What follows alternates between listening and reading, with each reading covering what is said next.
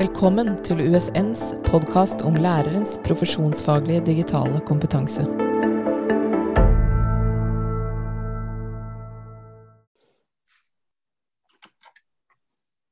Ja, eh, velkommen til en eh, podkast om eh, modellen Sammer. Sammer-modellen. Og eh, Mitt navn er Gunsten Egeberg, og så har jeg med meg Karianne Helland her, også fra USN. Hei, hei. Så temaet er rett og slett eh, Sammer-modellen. En, en, modell som sier noe om eh, lærernes eh, digitale praksiser i klasserommet. Skal prøve å si noe eh, fornuftig om den modellen, gi litt eksempler og komme litt inn på bruken av modellen. Kanskje til og med kritisere modellen litt etter hvert. Eh, som en liten inngang til eh, hvordan sånne modeller fungerer ute i skolen. Så eh, det er målet med denne, denne eh, podkasten. Men eh, den modellen den kommer har en, har en bakgrunn til ganske tidlig i utviklinga av digital kompetanse i skolen. Jeg ser referanser tilbake til rundt 2006. Karianna. Hva du tenker om, om hvor var skolen i Norge med digital kompetanse i 2006? det, det var et, et, godt spørsmål. Det begynner å bli lenge siden. Um, 2006. Mm. Det, um, ja, hvor var vi hen da, egentlig? Vi var, vi var, i hvert fall uten noe særlig sosiale medier. Ja, ja det, begynte, det, begynte, vel uh, ja. På den tida der? Begynte vel på den tida der, ikke sant? Ja. Mm. Men i skolesammenheng? I skolesammenheng tok det jo kanskje lengre tid. Mm. mm. Vi, hadde, vi er i ferd med å gå fra en, eh, en læreplan til en ny en i 2006. Mm, det er også en god stund ut siden. Mm. At vi jobba med L97. Det, var, det, var, det begynner å bli en stund siden. Eh, tenk I 2006 så, så var det enda ikke én-til-én eh, datamaskiner i videregående opplæring. Mm. Det var før en del av. Det var på en tid der barneskole og ungdomsskoler kanskje hadde litt datarom rundt omkring, men ellers ikke så veldig mye tilstedeværende teknologi i klasserommet. Mm. Så denne modellen som vi skal snakke om nå, da, den er skapt i en litt annen tid for skolen. Eh, og det tror jeg vi skal huske på når vi snakker om den også. Og vi må prøve å, alle sammen må prøve å forstå modellen inn hvordan den kan forstås i dagens skole, dagens digitale praksiser, som som sagt er helt annerledes enn det var da. Og det er en modell som, eh, ja, i motsetning til, eh, til TPAC-modellen, som, som, handler om måte, lærerens sammensatte kompetanse, så, så, er det her mer en modell som sier noe om hvordan teknologien brukes mm. i klasserommet. Mm. Mm. Um, og den er utvikla av en, en, kar som heter Ruben Puentedura. Mm. Og han er teknolog, er han ikke det, Gunstein? Jo, han, han, er, han, er, teknolog i utgangspunktet, og, og nå tror jeg driver et, et, et, et mer sånn eh, eh, mer sånn kommersielt firma med, med veiledning og, og, den type ting. Eh, men han har, jeg tror han har akademisk bakgrunn, og, og han har lagd modellen på bakgrunn av, eh, av erfaringer fra sitt yrkesliv. da. Eh, tilbake i 2006, i en litt annen tid. Han har en blogg eh, som han skriver på, så hvis man googler navnet hans, så, så, vil man kunne komme inn på bloggen hans der han har en del informasjon og sånt også om den modellen. Mm. Men, men, det han ikke har gjort han, har, ikke, han, har, ikke, et sånt sånn vitenskapelig, teoretisk eh, utgangspunkt for, for, den modellen. Eh, sånn som man ser på en del andre typiske pedagogiske modeller. Så denne modellen er liksom mer skapt mer eh, knytta til eh, læreren sine praksiser i klasserommet, som du, som du sier. Ja, han, han, prøver å forklare hvordan teknologi kan endre undervisning og arbeidsmåter og oppgavetyper, eh, med det formålet å få til bedre læring, da. Mm. Og de her oppgavetypene, dem er, eller tasks, som, som, du ser i den modellen, dem, dem går igjen gjennom modellen. Og det, det er en sånn firestegsmodell eh, som han har. Og Du får et inntrykk av at den er hierarkisk, gjør du ikke, Karianne? Jo, det er litt sånn, eh, det er fire nivåer. Det er sånn fire bokser oppå hverandre og, og som går eh, går fra ett nivå til et annet. Um, så, så, det gir et litt sånn hierarkisk inntrykk, um, der man begynner på, på, første steg, og så går man videre. Mm. Mm. Og ja. ja. Og de, og de, stegene det er på engelsk da, så er det substitution, augmentation, modification og redefinition. Mm. Det er jo ord som, eh, som man kan umiddelbart kanskje få en idé om hva det handler om, men som kanskje kan være nyttig å, å, snakke litt mer om. da. Så ja. Vi skulle snakke om, om substitution først, Karianne. Du som er ja. filolog. ja, jeg ser, at, jeg ser, at, når jeg leser om, om, om, denne modellen eh, rundt omkring, så har eh, også norske eh, nettsider osv. stort sett beholdt de engelske begrepene. Og det er kanskje fordi at det er litt vanskelig å finne noen gode norske mm. begrep til å, til å beskrive det. Uh, men substitution er, er, ikke så vanskelig, da. Det er, det er på en måte erstatning. Um, det vil si, jeg mener med det at man, man, man bytter ut um, f.eks. papir og blyant med skjerm og tastatur. da. At mm. uh, teknologien brukes til å erstatte uh, verktøy som man allerede hadde. Man gjør stort sett det samme som før. Mm. Man skriver, uh, men man gjør det med noen andre verktøy. Så det her er på en måte litt sånn sette strøm på boka-nivået, sant? Mm. Mm. mm. Så, så, så, man kan tenke seg at, at uh, det er ikke noe sånn vesensforskjell mellom de ulike praksisene om den er en analog sammenheng, eller om den er en digital eller teknologisk sammenheng. Det er egentlig den samme aktiviteten, bare med litt forskjellig innpakning, nærmest. Eh, man kan tenke seg f.eks. når man da, eh, i stedet for å skrive når man, I stedet for å skrive på tavla, så så har man en powerpoint med den samme teksten som man ellers eh, ville skrevet på tavla. Mm. Det er en form for substitution. Mm. Mm. Så på det neste, det er augmentation. Jeg får med en gang sånne eh, assosiasjoner til augmented reality her, men, men kanskje ordet betyr noe litt annet uh, her? Ja, altså det betyr jo på en måte eh, utvidelse, da. Så det er, mm. jo, det er, jo, det samme ordet og egentlig den samme betydningen som du har i augmented reality, men det betyr simpelthen her at, at eh, teknologien på en måte tilfører et ekstra lag, da. Mm. Eh, et, et, slags tillegg eller en slags forsterkning til det man hadde fra før.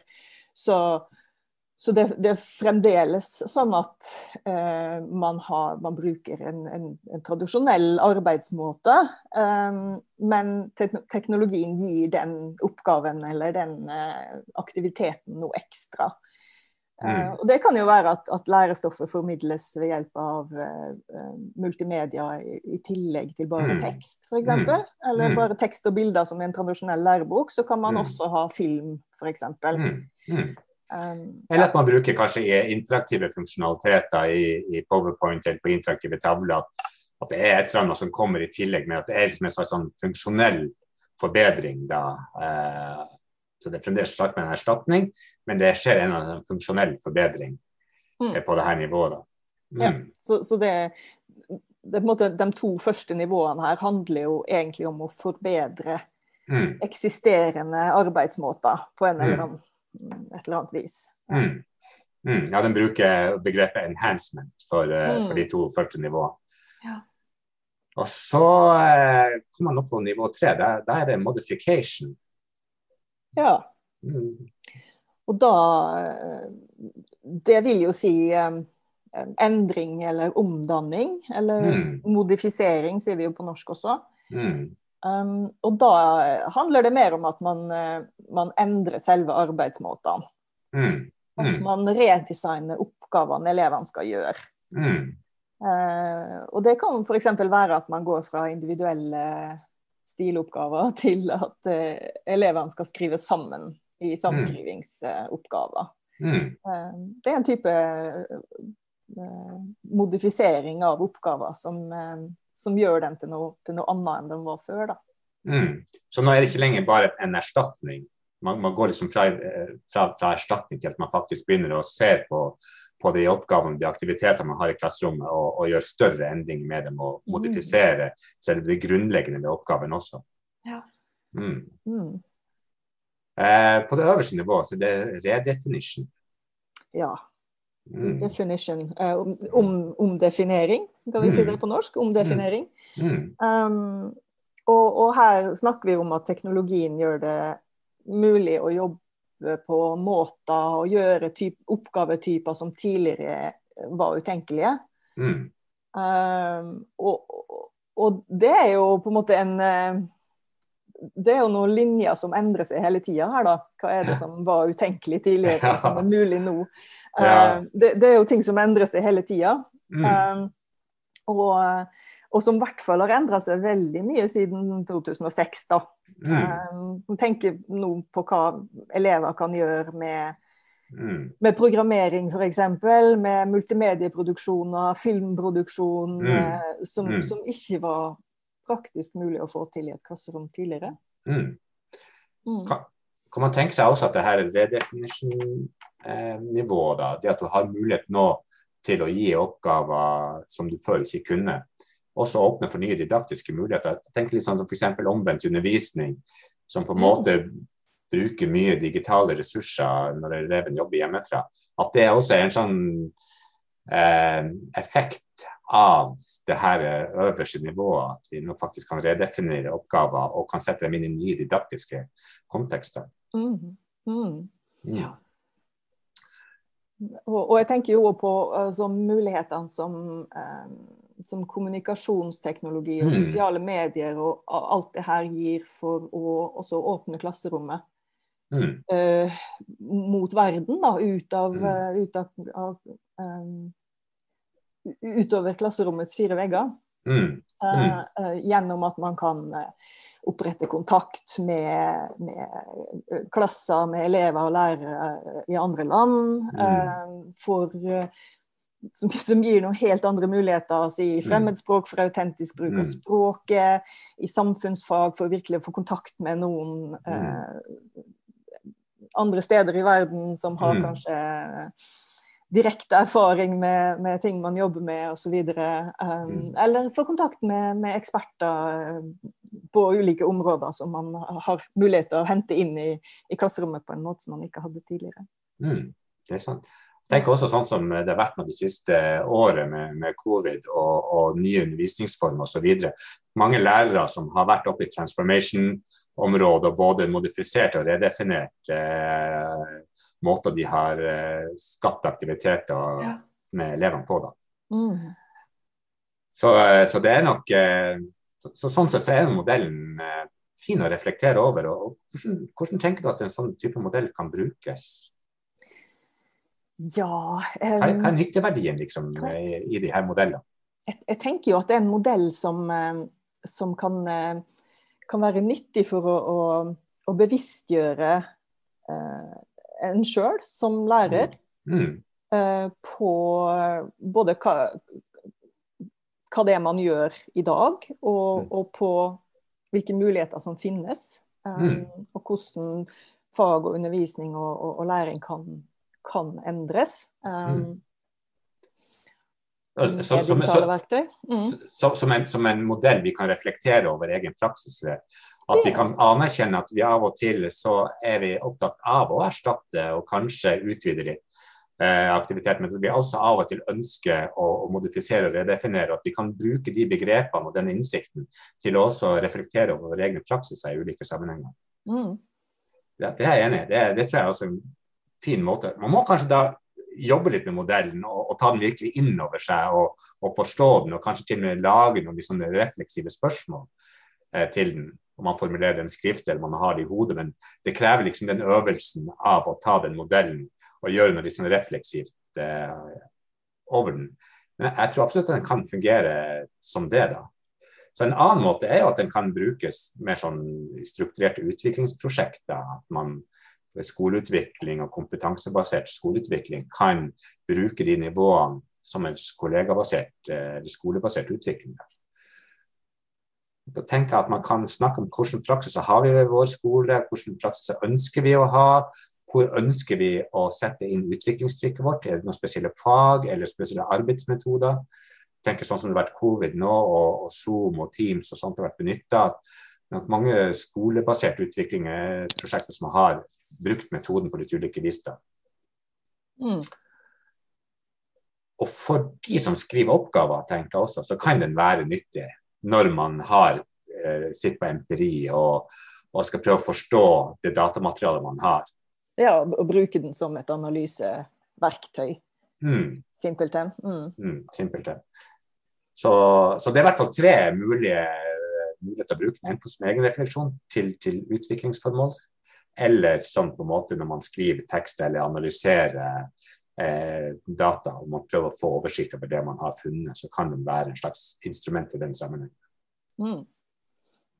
Um, men de her modellene, da, de, de, er jo av og til eh, de er jo Av og til så er de litt sånn fascinerende, og, og de kan være litt elegante og fine farger. og Det er lett å, lett å like dem. Og ofte bruker de en språk så vi kan kjenne oss litt igjen i det. og så er det samtidig viktig å være, være kritisk til de her modellene. Ja, og Det gjelder også denne modellen. Mm.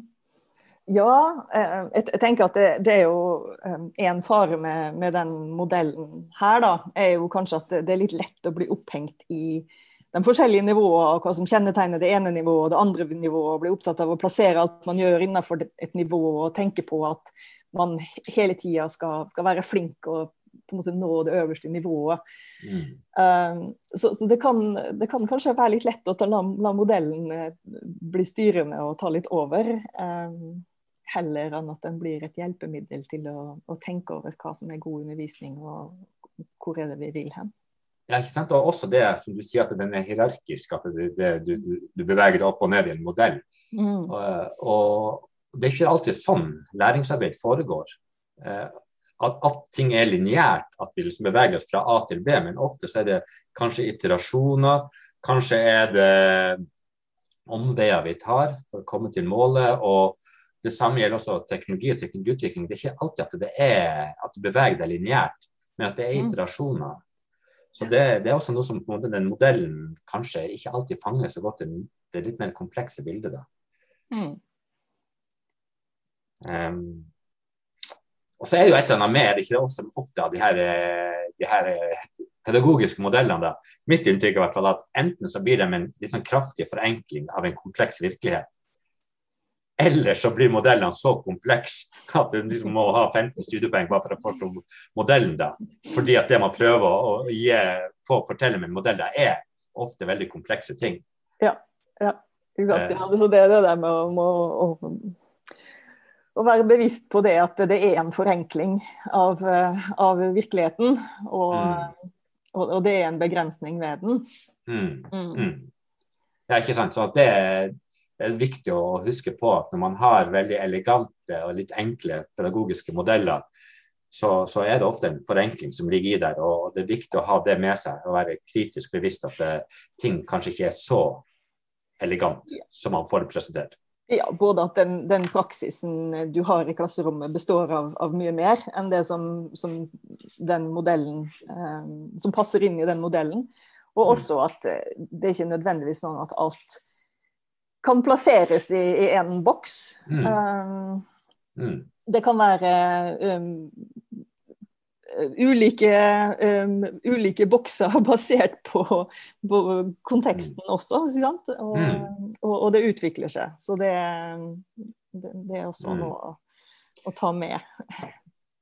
Ja, det, det, det, finnes, det, finnes, ikke så veldig mye kritikk eh, vitenskapelig av den, eh, av den, modellen. Det kan være for at den ikke er så veldig vitenskapelig utleda i utgangspunktet, men det finnes et arbeid som, som Hamilton, Rosenberg og Aker Rouvre har kommet med fra 2016. De, de, snakker mye om de samme tingene som vi snakker om her.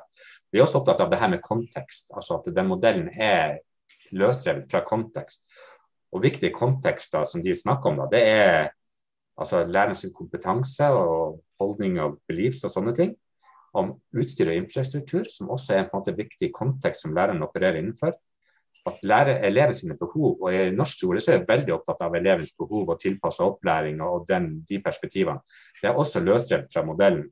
Og også hvordan på en måte skolekultur og opplevd støtte læreren har for sin praksis, som, hva som er på en måte godkjente praksiser ved skolen. Det er også en sånn type kontekst som ikke er det I tillegg til at rapporten også sier at det skulle gjerne vært en litt mer teoretisk eh, sterk forankring for modellen.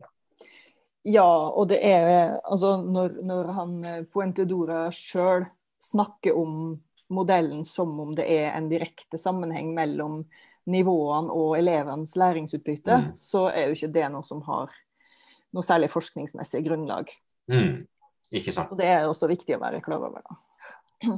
Så, så, på tross av at man kritiserer modellen, og det er veldig viktig å være kritisk til de ulike pedagogiske modellene, så tenker jeg at de har allikevel en funksjon. De kan ha en nytte.